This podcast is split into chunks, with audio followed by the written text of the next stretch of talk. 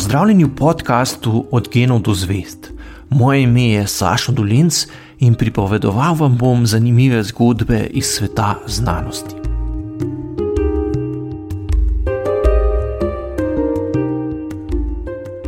Podobno kot se mora večina ljudi kdaj v življenju spopasti z resno krizo, se je prisiljena s hudimi težavami spopasti tudi marsikatera država. Vendar vsi pristopi k reševanju kriz niso enako učinkoviti. Nekaterim posameznikom in državam uspe zelo težke preizkušnje premagati tako, da na zadnje pridejo v še boljši položaj kot pred krizo, drugi pa se nikoli več ne povspejo na zeleno vejo. Jared Diamond je v knjigah Puške, Mikrobi in Jeklo ter Propad civilizacij obravnaval zanimive nove načine razumevanja vzrokov za uspone in kolapse civilizacij. V knjigi z naslovom Pretres se je lotil še analize soočanja držav z resnimi krizami. Spoznal je, da so dejavniki, ki uspešnim državam omogočajo izhod iz kolektivnih kriz, zelo podobni dejavnikom, ki so značilni za uspešne pristope k reševanju individualnih problemov pri ljudeh. V knjigi je podrobno predstavil izkušnje več držav, ki so se dobro spopadle s svojimi težavami. Kot prvo je opisal Finsko, ki se je v le pol stoletja iz revnega in nerazvitega avtonomnega dela Rusije preoblikovala v eno najbogatejših in najrazvitejših držav na svetu. Finski uspeh je temeljil na navideznem protislovju, saj je državi uspelo vzpostaviti dobro delujočo socialno-liberalno demokracijo, hkrati pa je vzdrževala odlične odnose najprej s komunistično Sovjetsko zvezo in nato z Rusijo. Zaradi specifične geografske lege se je morala Finska strateško prilagoditi okoliščinam, da je lahko ostala samostojna. Rešiti je morala krizo, ki je bila povezana predvsem z dolgo mejo, ki jo ima z Rusijo. Ko si je nameravala oktobra 1939 Sovjetska zveza pripojiti ozemlje več baltskih držav, se je Finska edina uprla tej nameri, čeprav je imela njena vzhodna soseda ogromno vojsko in skoraj 50krat več prebivalcev. V zimski vojni, v kateri majhna država sicer ni imela možnosti za zmago, je napadalcu lahko povzročila le velike izgube z dobro vojaško taktiko, zaradi katere je med spopadom na vsakega finskega vojaka padlo kar osem sovjetskih, je uspelo ohraniti večino ozemlja ter velesilo prisiliti v pogajanja. Na to je postala ujeta med dvema močnima nasprotnikoma. Rusi so jo pogosto bombardirali, Nemci pa so želeli podporo med obleganjem Leningrada in izročitev judovskih državljanov, kar je Finska zavrnila. Ob koncu vojne je obveljalo, da je bila med silami vsi, kar je pomenilo, da je morala Rusiji plačati veliko očkodnino. A s časoma je Finska spoznala, da so skrbi Rusije povezane večinoma z varnostjo. Če bi Rusija svoji sosedi lahko zaupala in se ob meji počutila varno, bi bilo mogoče mirno sožitje.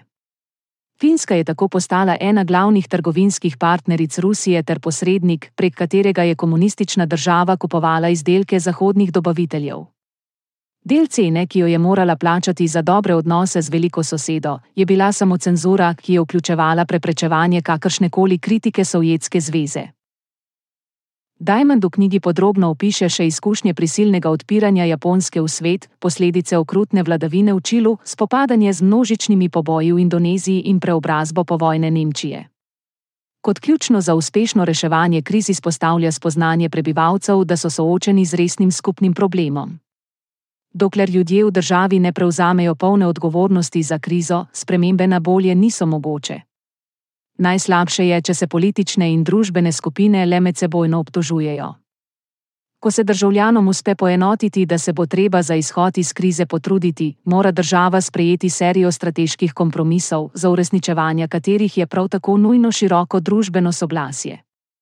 Reformni ukrepi so pogosto boleči, a če ne ogrožajo bistvenih vrednot in identitete, jih uspešne države izvedejo z zavedanjem, da so del poti k jasnemu cilju. Kot odgovor na sovjetske strahove je morala Finska sprejeti ukrepe, ki si jih nobena druga demokracija ne bi mogla niti predstavljati.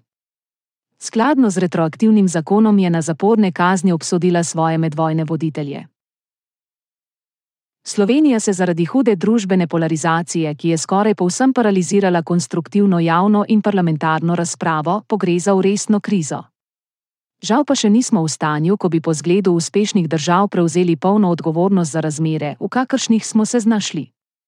Raje se med sebojno obtožujemo in slepimo, da je treba za rešitev problemov le razkrinkati in onemogočiti določene skupine in posameznike.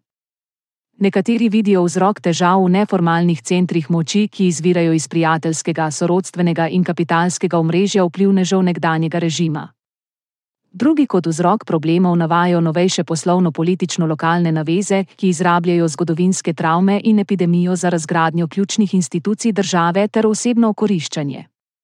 A tudi če to vrstne obtožbe držijo, ustrajanje pri polarizaciji krize ne bo rešilo. Iskreno se moramo spopasti s svojo preteklostjo, z vsemi junaškimi in traumatičnimi obdobji, ter zgraditi jasno vizijo za razvoj v prihodnosti.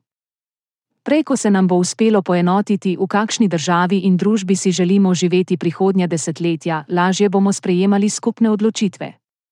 Volilno leto je odlična priložnost, da odgovorno pogledamo v prihodnost ter nehamo bližnjo in daljno preteklost izkoriščati za vsakdanje politične bitke.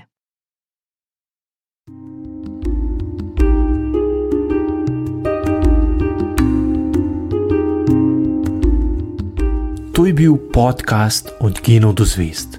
Moje ime je Saša Dolence in z novo zgodbo se vam oglasim že k malu.